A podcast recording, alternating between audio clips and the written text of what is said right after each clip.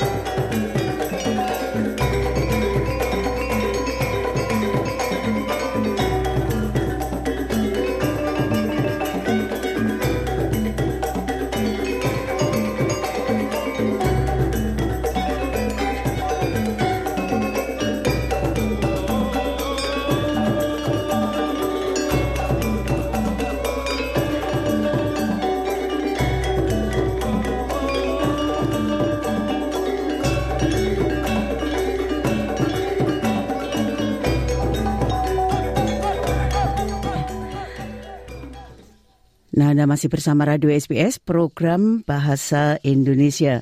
Nah, sambil menunggu tamu kami yang berikutnya, yang tadinya sudah berada di jalur, tapi entah mengapa hilang kembali. Nah, untuk itu kami akan tampilkan yaitu tentang masalah karang yang dirangkum oleh Bapak Riki Kusumo berikut ini. Pendengar, penelitian baru telah menemukan bahwa bahkan selama pola cuaca tradisional yang lebih dingin, pemutihan massal di Great Barrier Reef sedang terus terjadi. Ini menimbulkan kekhawatiran besar bagi sistem terumbu karang terbesar di dunia ini di antara para pengamat iklim. Namun mereka menekankan masih belum terlambat untuk membalikkan kerusakan itu. Berikut ini laporan tentang hal tersebut yang disusun oleh Hannah Kwon dan Liz Maddock untuk SBS News. Tahun lalu seharusnya menjadi waktu bagi Great Barrier Reef untuk memulihkan diri. Temperatur lautan yang lebih dingin akan memungkinkan karang putih dari pemutihan yang berulang-ulang. Sebaliknya, itu lebih panas daripada yang diperkirakan. Direktur Penelitian Australian Institute of Marine Science, David Wachenfeld, mengatakan sebagai akibatnya justru terjadi pemutihan massal. Although traditionally we would say that La Nina years are cooler than neutral years or El Nino years, and that's certainly been our experience, of course, the climate of the entire planet is changing and warming. We are now at more than 1.1 degree warmer than in pre industrial times. And so, even a La Nina, albeit that it is generally cooler, is not as cool as it used to be and last year demonstrated that even in La Nina conditions, we can reach temperatures that cause a mass coral bleaching event. Institut itu menemukan bahwa sementara beberapa terumbu karang terus pulih, hal itu diimbangi dengan hilangnya karang di tempat lain. Peneliti ilmuwan senior Ames, Dr. Mike Emsley, mengatakan laporan baru mereka merinci bahwa pemulihan karang yang terlihat pada tahun-tahun sebelumnya berhenti pada tahun 2020.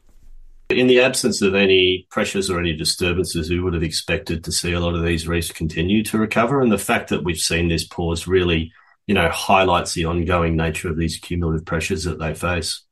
Pemutihan terjadi ketika suhu permukaan laut terlalu panas dalam waktu yang lebih lama. Terumbu karang menjadi stres dan mengeluarkan alge dan memutih. Mereka tidak mati, tapi hanya bisa pulih jika suhu turun. Itulah masalahnya.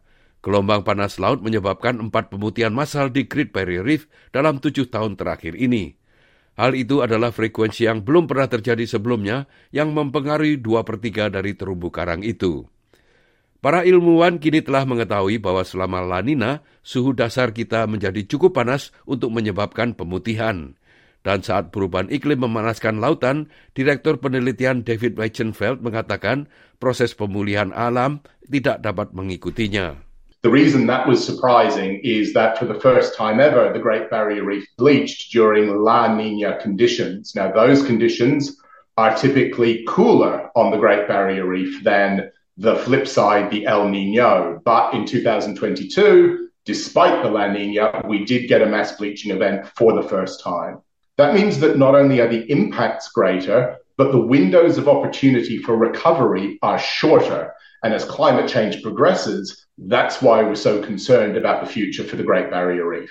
Kondisi yang lebih buruk akan datang karena pesisir timur Australia akan menghadapi sistem El Nino yang membawa musim panas yang lebih panas dan kering.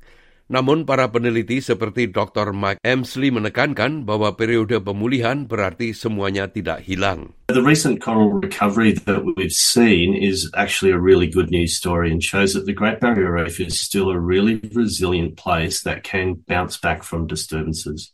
But, you know, we've got to temper that with the knowledge that these disturbances that impacted are ongoing and are likely to increase in frequency and severity moving forward. But it does give us hope that the Great Barrier Reef is really worth fighting for. If we can give it a chance to recover, it can bounce back. And I think that's a really important message that we need to get out to people. UNESCO dari Perserikatan Bangsa-Bangsa menginginkan laporan kemajuan dalam enam bulan, namun telah memperingatkan Australia bahwa diperlukan lebih banyak tindakan. Demikianlah tadi sebuah rangkuman mengenai Great Barrier Reef yang disusun oleh Hannah Kwon dan Liz Maddock untuk SBS News dan disampaikan oleh Ricky Kusumo. Nah itulah tadi laporan tentang penelitian tentang pemutihan massal terumbu karang di Great Barrier Reef yang dilakukan oleh Australian Institute of Marine Science. SBS SBS SBS SBS SBS This is SBS Radio. Anda ingin mendengar cerita-cerita seperti ini? Dengarkan di Apple Podcast, Google Podcast, Spotify, atau di mana pun Anda mendapatkan podcast Anda.